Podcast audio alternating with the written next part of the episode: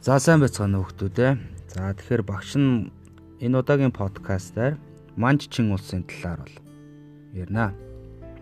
За өмнөх хичээлдэр улс төрийн боторлын талаар буюу за эсэн тайшааш тайшаас мантгац заатан хүртлэх үеийг бол ярьж өгсөн. За өнөөдрийн хичээлээр бол бид 1616 оноос хойш үе хүртэл буюу манж чингүрний талаар бол багш нь ярьж өгөө. За өгөөдөө хаан Алтан улсыг эзэлсний дараагаар зөрчид угсаат угсаатнууд бол зүүн өмнөд Аз засагт очиж цөөн тооны бүлэг болон нүүдлэн сууршиж амьдэрсэн. За эдгээр зөрчид угсаатан бол Монголтой адилхан нүүдлийн иргэншилтэй ийм ус байсан. За эдгээр бас эдгээр Овг аймаг нь одоо 1616 он гэхэд бол хүчрхэгжээд за өөрсдийн анхны төр улсыг байгуулсан нь Хожуу Алтан улсыг нурхаач анх байгуулжээ 1616 онд. Тухайн үед Монголд бол улс төрийн боторл бол идэвхтэй явагдажсэн бөгөөд за Монгол улсад бол Алтан уургийн хамгийн сүүлийн хаан болох Лигдэн утагт хаан бол төр барьж исэн. За Лигдэн утагт хааныг төр барь барьж байх хугацаанд за Монгол бол олон тархаа бутархаа бол болсон байсан. За өмнөх хичээлдэр багш нь дурдсан дурдж бол хэлсэн. За ойрд Монгол гэж одоо Алтаа нуруунаас цаашаа бол салж тусгаар нэг улс болсон. За халхан дотроо гурван хангуудад хуваагдсан. Одоогийн ховд Баяуулгийн Говьалтай Завхан гих мэт баруун хязгаарын нутг нь бол Засагт хан аймаг гээд за төв хэсэг буюу одоо Булган, Арангай, Сэлэнг, Өрөнгай гих мэт одоо төв төвийн аймагуд нь болохоор Түшээт хан аймаг. За 103 аймаг нь бол Цэцэн хан аймаг. Ингээд бол гурван хэсэгт бол хангуудад захирагддаг байсан. За эдгээр хангууд бол одоо Лигдэн утагт хаанд бол захирагдахгүй гэдгийг аль биесээр хэлж ирсэн. Нэгсэндээ хаан эзэнд бол захирагдахгүй байх нь шүү дээ. Өөрсдөө хангууд болоод өөр өөрсдийн аймгаа одоо удирдах хүсэлтэй байсан. За нөгөө хэсэг нь бол одоо урайн хаачуд гэж. За урайн хаачуд бол одоо багш нь өмнө хэлжсэн шиг За хаантай байсан ч яах вэ, хаангүй байсан ч яах вэ гэдэг завсрын хүмүүс бол байсан. За эдгээр өөрөө хачид бол голыг л баримталжсэн байх нь шүү дээ. За харин Лигдэн хааны харьяанд 100% захирагддаг арт түмэн бол цахрын арт түмэн гэж. Цахрууд бол одоо хаанд захирагддаг. За мөн одоогийн өвөр Монголын 3 хошуу буюу Ордос, Төмөд, Иншээбүү гэсэн 3 хошууд бол эзэн анд бол харьяалагддаг байсан. Тэгэхээр ингэж үзэхээр бол Монгол бол дотроо бол маш олон хэсэгт бол хуваагдсан байна тийм ээ. За энэ үед Мин улсын хажууталт зүүнтэй талд бол одоо Хожуу Алтан улсыг бол Нурхаач бол 1616 онд байгуулсан баг. За шинээр гарч ирж байгаа улс бол маш хүчрхэг байсан. Улс төрийн хувьд ч тэр, эдийн засгийн хувьд ч тэр, геополитикийн хувьд ч тэр маш хүчрхэг улсыг бол Нурхаач бол байгуулж чадсан байх. За Нурхаачийн зорилго бол ерөнхийдөө л Мин улсыг эзэлж авах. За тэгээд Дундад Аз болон Төв Азад өөрсдийн их гүрнийг цогцлон байгуулах зорилготой байсан. Энийхээ хүрээнд ч үйл ажиллагаануудыг явуулж ирсэн. Улсаа байгуулсныхаа дараа бол хөрс зэрэгэлдэх овг аймагуудыг өөртөө татах оролдлуудыг эхэлсэн. За энэ нь бол одоо Ордос төмөд Юншэбүү гэсэн гурван том түмэн хушуу гэж энэ гурван төмтийг бол одоо өөрийн мэдлэлтэй авахын тулд одоо Авг аймгийн ахлагч нарт бэлгэсэлт өгөх за өөрийн хүүхдүүд, охтууд, гүнжүүдийг эдгээр аймагуудын ахлагч нарт одоо бэр болгож ход ургийн холбоо тогтоох явцын дунд л өөрийн мэдлэлтэй авах гэсэн бодлогыг л маш өмнөөс одоо олон жилийн өмнөх химийг л урдчлаж хараад л бэлдээд байсан байна шүү дээ. Энэ явцдаа одоо хүрсэн байгаа. За ингэснээр бол одоо Ордос төмөдийн Шэбүгийн ахлагч нарыг бол бааж мажмаар бол баг багаар өөртөө татаж бэлгэсэлтээр шан харамж өгч за тэгээ хот ургийн холбоо тогтоох гих мэтлийн юм бодлого явуулсан. За энэ үед бол Лэгдүү Утагт хаан бол одоо Монголын төрийг ерхий эзэн хаан гэж хэлсэн боловч түрүүсэн те хангууд нь тусдаа байсан, өрөө хажууд дундыг барьж исэн, ойрд монголууд бол бүр тусдаа төр ус байгуулаа гарцсан. За ганцхан бол одоо Сахрын арт түмэн буюу орд түмэнд ишээ бүнүүд байсан. За ийм учраас бол одоо шинээр гарч ирж байгаа улсыг хүчрхэгжүүлэхгүй тулд одоо арга замуудыг бол хийж эхэлсэн. Лигдэ хааны гадаад бодлого байсан. За энэ гадаад бодлогон дээр гадаад бодлогон дээр бол одоо мин улстай гэрээ хэлцээр байгуулж за мин улсын одоо хил хязгаарыг сахин хамгаалж За оронд нь бол татвар авах эдийн засгийн хүнд нөхцөлийг бол даван туулах ийм гадаад бодлогыг бол явуулж ирсэн. За энэ нь бол ерөнхийдөө бол шинээр болсон болсон улсыг бол одоо хүчрхэгжүүлэхгүй гэсэн бодлогын нэг хэлбэр байх нь шүү дээ. За энд чимийн улс зөвшөөрч одоо Лигдо хаантай бол одоо дипломат харилцааг сэргээж тогтоож эдгээр одоо шийдлүүдийг бол гаргаж байсан баг.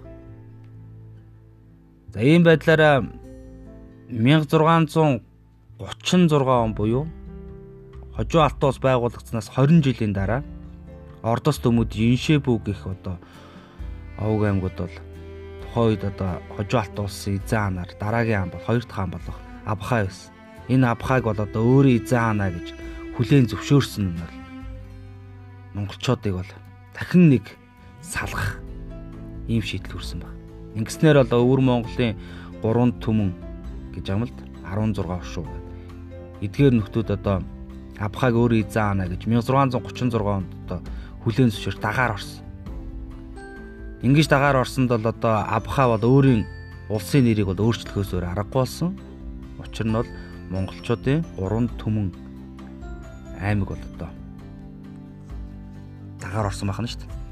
За ингэснээр бол хожуу алтан улсын нэрийг сольж дайчин ус буюу манччин усыг бол шинээр дахин байгуулсан. За ер нь бол нэрийг нь сольсон байна.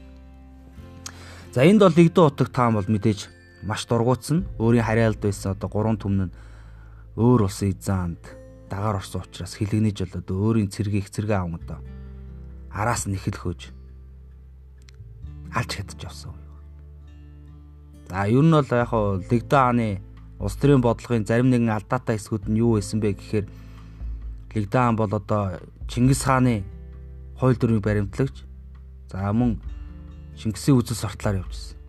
Нэгсэндээ хүүхдүүдээ 13 дугаар зуунд бослох үйл явцыг тийм ээ 16 дугаар зуунд ч юм уу тийм ээ авчрах юм бол эн чинь бүхэл бүтэн 300 400 жилийн өмнө байсан хууль дүрмс хууль заазыг дараад нь авчрах юм бол арт түмний эсрэг үзэл маш их хүчтэй тулгарсан байдаг.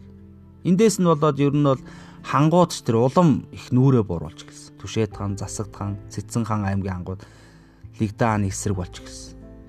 Өөрсдийн хүслээрээ явсан хүмүүсийг одоо араас нь очиж одоо алж хядлаа гэдэгт бол дургуйцтай илэрхийлсэн. Мөн өөрөө хайчууд ч гэсэн хаантай байсан ч яах вэ, хаангүй байсан ч яах вэ гэдэг бодлого нь өөрчлөгдөж за хаантай байх юм бол дими юм байна гэдэг бодлоор одоо хаангүй байх бодлогыг одоо нэгсэндээ төвөөс утгачийг бол илэрхийлжсэн байх нэ гэж. За ингээд одоо 1636 онд Өвөр Монголын хошууд бол одоо Абхайг өөрийн эзэн хаана гэж ургаснаар бол дагаар орсноор бол одоо монголчууд бол гурван түмэн хүнээ бол алдсан баг.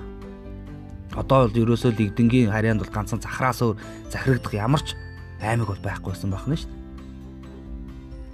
За ингээд Абхай бол одоо нурхаачи явуулж исэн нөгөө баг багаар өөрийн мэдлэлтэй авах гэдэг бодлогыг үргэлжлүүлж явуулснаар энэ нь нурхаачийн үйл хэрэг нь Абхагийн үед дагаар орсон байх нь шүү дээ тийм ээ нөгөө хот ургийн харилцаа дотоо шан харамж өгөх бэлгэсэлт явуулах гих мэтлэнгээр баг багаар өөртөө татсараагаад 20 жилийн дараа буюу 1636 онд тэд Абхаг буюу манжид дагаар орсон байна гэж. За манчин гүрний дараагийн бодлого бол одоо мин улсыг эзэлж авч бүх хятадыг өөртөө нэгтгэх бодлого явуулсан. За энэ ч л мэдээж маш хэцүү хэрэг мин усыг эзлэх тахвал манжууд бол бүр дийлдэхэргүй болно. Тийм учраас бол одоо манжийг мин усыг эзлэхээс бол одоо хамгаалахын тулд лигдэн хаан бол одоо хил хязгаарыг маш сайн харж хандчихсан. За ингээд бол одоо мин ус руу дайрах гэхээр бол одоо лигдэн хааны цэрэг бол одоо хил хязгаараар нэвтрүүлэхгүй байгаад байдаг. Тэгэхээр н одоо авха одоо лигдэн хаан загтлагдсан байдаг. Зарим төгс өдөр дээр нурхаач бас гэсэн байдаг. Тэгэхээр э, яг зүгээр энэ зартлын гол утга санаа нь юу гэхээр э, за би бол та бол лигдэн утга таан бол таныг бол мэднэ. Та бол одоо их агуу гүрний агуу улсын хаан. За би ч гэсэн одоо шинэ улсын их агуу хаан байна. Тийм учраас манай хоёр улс хоорондоо дипломат харилцаа зогтоож одоо би биентэйгээ найрамдлын харилцаатай байя та одоо танаа улс одоо битгий мин улсыг бол хамгаалаач ээ гэж иймэрхүү хүсэлтээр загт хэлгээсэн байдаг. Харин нь лигдэн хаан зөрүүлээд бол битсэн байдаг. Би бол чамааг бол мэдэхгүй. Танаа улсыг ч мэдэхгүй. Би бол агуу хизэн Чингис хааны үр ач их Монгол улс их юа улсын их хаан байна. Танаа манж бол гурванхан голын жижигхэн улс. Тийм учраас бол би танаа улсыг мэдэхгүй гэдэг хариулт өгсөн би бол одоо 40 төвний хаан гэж одоо лигдээ өөрийгөө зарлаж хэлсэн байд. Үүний хариуд бол зөрүүлээд бол загтлагдсан байдаг. Та одоо юу их юан гэдэг юм бэ? Тэр юа ус жайл эрт одоо мөксөн шүү дээ. За тэгээд 40 төмний хаан гэдэг. Тэр 40 төмөн гэдэг чинь аль танаа тэр дээр үед байсан Батмөх даяаны үед чинь тэр 40 төмний чинь тоо хүрхгүй болоод 6 төм болгосон шүү дээ. Тэр 6 төмний чинь 3 төмн нь надад дагаар орлоо. Тийм учраас бол та одоо 40 төмөн гэж юу хий хоос юм яриад байгаа юм бэ гэсэн юм хариу загтлаг бол илгээсэн байдаг. Ингээд бол манжи их цэрэг буюу 100 мянган их цэрэг бол лигдааны 20 мянган зэрэгтэй байлдаж боцогсон байдаг. Үүнд бол лигдаатаг таан бол ялагдаж өөрийн харьяат ардаа аавн бол одоо 100 мянган захар иргэдээ аавн баруун тийш буюу хөхнөөрийн зүг бол зүхтаас. За ингэж зүхтаж явах замдаа бол Чингисийн хасбуу их тамгыг бол нуусан гэж тэр нь одоо ч олдоогүй. Мөн одоо өөрийн наагцдуу болох цогтод бол загтлилгээс би хөхнөөрт очоод байж яа чи өөрийн иргэдээ дагуулan өөрийн цэргээ дагуулan над дээр ирэхтэн хоёул нэгдэж улааны төв одоо төвд буюу тангууд улсад байсан одоо улааны пунцэг намжилтаа нийлээд Пунцаг намжлагд нь одоо улааны урсгалын шашны тэргүүн байх нь шүү дээ. Энэ пунцаг намжлалтаа нийлээд бол дөрөвдүгээр далаа ламыг бол одоо замаасаа зайлуулъя. Ингээд хоёул шинэ улсыг бол хөхнөөрт байгуулъя гэсэн загтлыг бол цогтод бол хүргүүлсэн байдаг. За энэ үед энийг яагаад багш нар ярьж байгаа гэхээр тухайн үед тангууд ус буюу одоогийн төвдөд дотроо бас хоёр хэсэг болон задарсан байсан байх нь шүү дээ. Нэг хэсэг нь шарын шашин буюу далаа ламыг дэмждэг.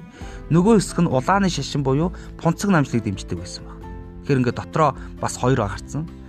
А гэтэл Хаавсын Алтан хааны үед те Лигдэн хаанаас урагш одоо Алтан хааны үед Буйнцсан хааны үед бол одоо далаа ламтаа 2 дугаар далаа ламтаа нийлэн 3 дугаар далаа ламтаа нийлэн уул шарын шашныг Монголд бол дэлгэрүүлсэн байсан. Лигдэн хааны үед.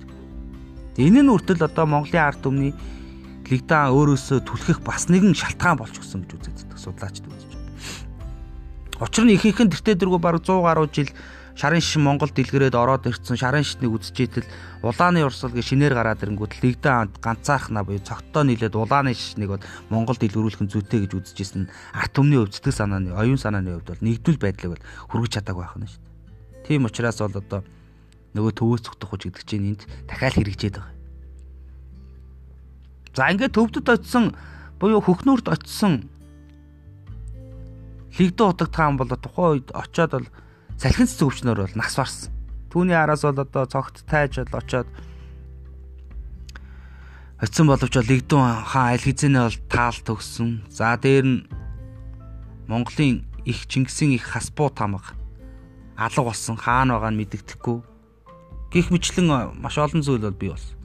Мэдээж сухаа үед бол одоо Лигдэн цухтааж явсан, араас нь манжи их зэрэг хөөж исэн. Тэд нар бол Чингисийн алтан тамгыг бол өөртөө авахын тулд бол мэдээж лигдааныг заавал барих ёстой гэдэг утгаараа бол араас нь нэхэл болж хөөж исэн байх нь шүү дээ.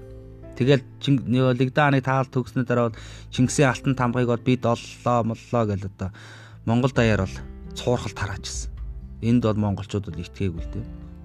Ингэснээр Лигдаан таалт төгснөөр алтан уургийн хамгийн сүүлийн хаан төр барьж исэн хаан маань нас баржээ гэж.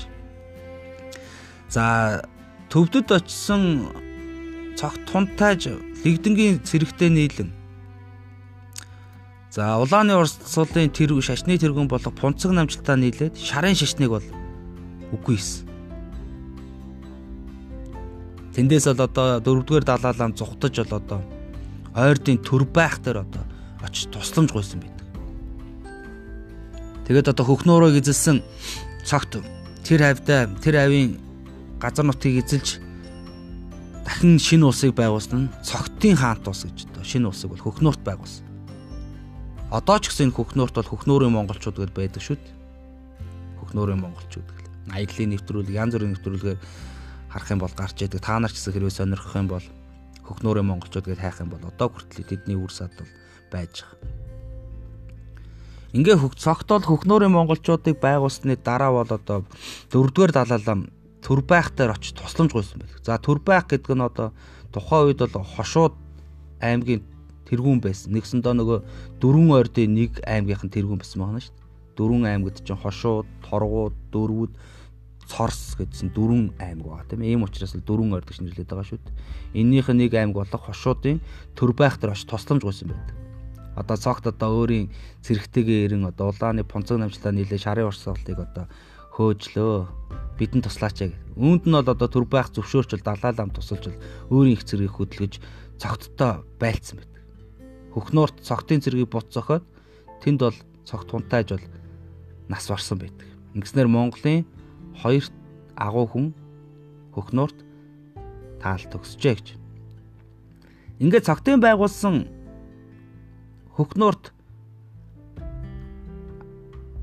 төр байх очиж өөрийн хаант улсыг байгуулсан нь гүүшийн хаант улс гэж байв. Төр байх гүүш гэж та төр байх гүүш хөхнөөрт өөрийн хаант улсыг байгуулж шарын шашныг дэлгэрүүлсэн байна. За энэ бол баруун хязгаарт болсон явдал байсан тийм ээ. За ингээд бол монголчууд дахиад нэг шинэ байхаас байгуулагдсан байх нь шүү дээ. А хэдүүл одоо дахиад нэг санах юм бол за баруун талд Алтай нуруунд тэнд бол ойрд Монгол. Ойрд Монголоос урагшлах юм бол төр байхгүй шин нут. Зүүн талд нь халах Монгол буюу Арюан ус гэж За тэгээ өвөр монголчууд тусдаа гараа авчихсан. Тэгэхээр 1636 оны үйл явц бол иймэрхүү байдлаар өрнжсэн. Энэ байдлаас болоод Монголын ноёд төшмөдүүд хуран чуулж 1640 онд ил тарахтаа нурууны улаан бураа гэдэг газар бол халх ойрдын цаац чиг бол баталсан байдаг багш нь өмнө хэлжсэн тийм ээ. Халх хоёрын цаацчийг баталсан. Нэгсэндээ 44 хоёрын хууль цаацч гэсэн үг. 1640 онд. Энэ хууль цаацчинд юуг дурдсан байна вэ гэхээр одоо хүчрэг болж байгаа манж чин гүрний буюу манж улсыг одоо хэрхэн яаж одоо зогсоох вэ? Арга шийдэл нь юу байна гэдэг дээр бол хоорондоо ярилцсан байна шүү дээ. Хурал цуглаа гэсэн. Ойр дуудаж тусдаа манжин эсрэг тэмцээд байдаг. Халахууд нь ч тусдаа манжин эсрэг тэмцээд байдаг. Тэгсээр энэ хоёр хоёулаа бол одоо манжийг зогсоох мэдээж хүчин чадал доорой байсан. Тийм учраас бол одоо манжийг бол одоо хүчрхэгчээс хамгаалахын тулд энэ 44 хоёрын хууль заацыг бол баталж байгаа. За 44 хоёрын хууль заацч гэж юу гэсэн үг вэ гэж? 40 түмэн халах, 4 түмэн ойр гэсэн үг. Ингээд 44 гэж. Яг хоо энэ бол 40 төмөн гэдэг нь бол өмнөх нэршлээ авсан байх нь шүү дээ. Тухайн үед бол төмтийн тоо бол 40 төмөн хүрэхгүй байсан тийм ээ. Ялангуяа халах Монгол нь бол. Тэгээд нөгөө Батмөх даяан 6 төмөн болгосон 6 төмөнгийнх нь 3 төмөн нь манжидагаар орцсон. Ясмин дээр бол халахад бол баг 3хан төмөн л байх нь шүү дээ. Нөгөө Түшээ тан, Цэцэн хан, Засаг тан гэсэн 3 төмөн. За тэгээ ойр дутаа нийлээд ийм хууль цаацчиг тухайн үедээ баталсан байдаг. За нэгэн хоёрдугаарт бол энэ хууль цаазчгэн дээрээс дурдсан зүйл нь юу гэхээр ойрдууд бол одоо алтан ургийн үнийг бол хаанаараа өргөмжлөхгүй гэдэг дээр шийдвэр гаргасан. Угаас ийм үзэл бодолтойч байсан. А гэтэл бол халахын зүгээс бол одоо эсэхи хаадыг бол одоо бид хүлээн зөвшөөрөхгүй гэж. Эсэхи хаад гэдэг нь алтуурын биш хаана хэлж байгаа тийм. За ингээд энэ байдлаас болж ойрд халах хоёр хоорондоо нэгдэж чадахгүй байсан учраас энэ 44 хоёрын хууль цаасч дээр юу яригдсан бэ гэвэл тэгвэл манай танаа хоёул улс дундаа дундаасаа нэг хаан гаргаж ирье. За тэр нь бол одоо шарын шишний хүн байх хэвээр. Шашны тэр хүн байх хэвээр. Ийм л хүнийг бол залж авчирэ гэж одоо хоорондоо зөвшөлдсөн. Танаах зөвшөөрье, манаах зөвшөөрнө.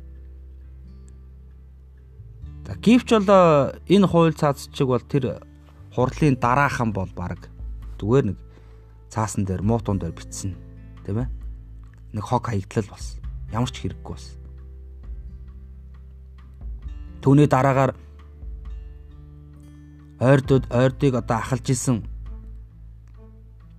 Эрдэнэбаатар унтаажиг хүү синг бол одоо ойрдыг ялангуяа чорсыг бол одоо захирж исэн. Гэтэл бол одоо дотроосоо бол одоо цорсыг бол цорсоос гарсан сэнгийг бол дотроосоо хороосон. Тэгээ энэ буруу хэрэгээ бол халахууд руу чигсэн. Ингээ сэнг унтааж бол алагдсанаар бол одоо ойрдыг хэн өдөртөх вэ гэдэг дээр дараагийн маргаан гарч ирж байгаа. Энэ нэгсэндээ л эрх мэдэл нь ганцхан халахад явагдаг байна шүү дээ. Ойрдод ч гэсэн бас л газар нутаг их нут их орон өөрсдийн болгох гэсэн нэр алтрын төлөө бол хаасаагүй юм байсан. Үүний дараа 1640 онд хийсэн энэ 44 хоёрын хууль цаазчгийн дараахан буюу 4 жилийн дараа буюу 1644 онд манжууд мин улсыг эзэлж авсан. Ингэснээр манж улсын газар нутаг бол асар өргөн удан болж гисэн. 1644 онд мин улсыг буулгаж авсан байна шүү дээ. Иргэшээлд оруулсан. За одоо манжийн дараагийн бодлого бол мэдээж дундад Аз буюу Төв Азийг гартаа оруулна гэсэн зорилгоороо халахуудыг, ойрдуудыг, гүүшин ант улсыг өөрийн мэдлэлд авах бодлого явуулсан. За хамгийн дөрөнд бол одоо Төрбайхын газар нутг руу довтолж гүүшийн хамт улсыг бол одоо өөрийн мэдэлд авсан. Түүний дараа Мин улсыг эзэснийхаа дараа одоо төвдүүдийг гэсэн үг тийм ээ. За харин халахуудыг эзлэх гээл одоо эзлэх бодлого бол одоо хүчтэй явагдсан. За цэргийн хүчээр довтлоод ороод ирэхээр маш их хэмжээний хохирол бол манжуудад амсч исэн. Монголч мөн адилгүй ялгаагүй амсч исэн. Тийм учраас бол одоо монголчуудыг хооронд нэгдүүлэхгүй төлөө. Ялангуяа энэ ойрд Монгол халах Монгол хоёрыг хооронд нэгдүүлэхгүй төлөө ажиллаж исэн баг. Өмнөх хичээлдэр багш нь хэлжсэн тийм ойрдууд хүчрхэгчих юм бол халахтаа нийлээд ойрдын хүчрхэгжилдэг дардаг халахууд хүчрхэгчих юм бол ойрдтой нийлдэг гих мэтлэнгээр юм. За тэгэл нөгөө агуу төрийн улс төрийн бодлого буюу хятадын уламжлалт бодлогыг бол хэрэгжүүлж гисэн. За ер нь монголчуудаа шууд хүчээр байлдаад бол эзлэх нь бол асар хэмжээний хохиролтой байна. Тийм учраас бол ерөөсөө монголчуудыг монголчуудаар нь даруулах хооронд нь ясгаях үүр хооронд нь тэмцэлдүүлэх ингэсний дараа хүчин доройцсны дараа өөртөө нэгтгэе гэсэн бодлогыг бол одоо баримтлсан байх нь шүү дээ манжийн зүгээс. За ингээд ойрдод байсан синк хунтааж таал төгснөд дараа төр түүний ихнэр болох одоо юм сагаа гэдэг. Төвдөж шавьдан суусан галдан дээр очиж одоо тосломж гус. Чиний төрсөн ах одоо алагдлаа. Тийм учраас чорс төмнийг бол одоо удирдах хүн үгүй. Чи ойрдыг эзэн хаан болох ёстой. Гэж одоо ээж нь буйснаар бол одоо галдан бол одоо ойрдод авчирч хан ширээнд суулгасан байдаг. Түүний хан болсны дараа шарын шний тэргүүн далаалам очиж боших цол олгосноороо түүхэндээ галдан бошихт хаан болжээ гэж. А гэтэл нөгөө талаар халахууд зан озрыг авчирч өөрийн хаанаар өргөмжилсөн. За зан озр бол одоо алтан ургийн хүн байсан бага наснаас ол төвдөд шавлан суусан. За тэгээд бол одоо Монголд шарын шний тэргүүн өндөр гээгэн зан озор бол халах төмний хаан болжээ. За өнөөдрийн хичээлээрээ багш нь манж чингүүрний үүсгэн байгуулагдах дах босон нөхцөл шалтгаан, улс төр гадаад бодлого, дотоод бодлого эдгээр зүйлийг бол өнөөдрийнхөө энэ подкастэнд бол орууллаа. За Галдан бошгот хаан, Зан Базар хаан хүртлэх үеийг бол товч ярьлаа. Хэрвээ та нар цааш нь илүү мөхийг судлъя гэж байгаа юм бол өөрсдөө эрэл хайгуул хийгээд илүү их мэдээллийг бол дэлгэрэнгүй мэдээлэл бол цуглуулж болно шүү. За тэгээд дараагийн хичээлээр багш нь галдан бошгот зан базраас хойшоогоо үргэлжлүүлье. За анхаарал тавьсан сонссон та бүхэнд баярлалаа.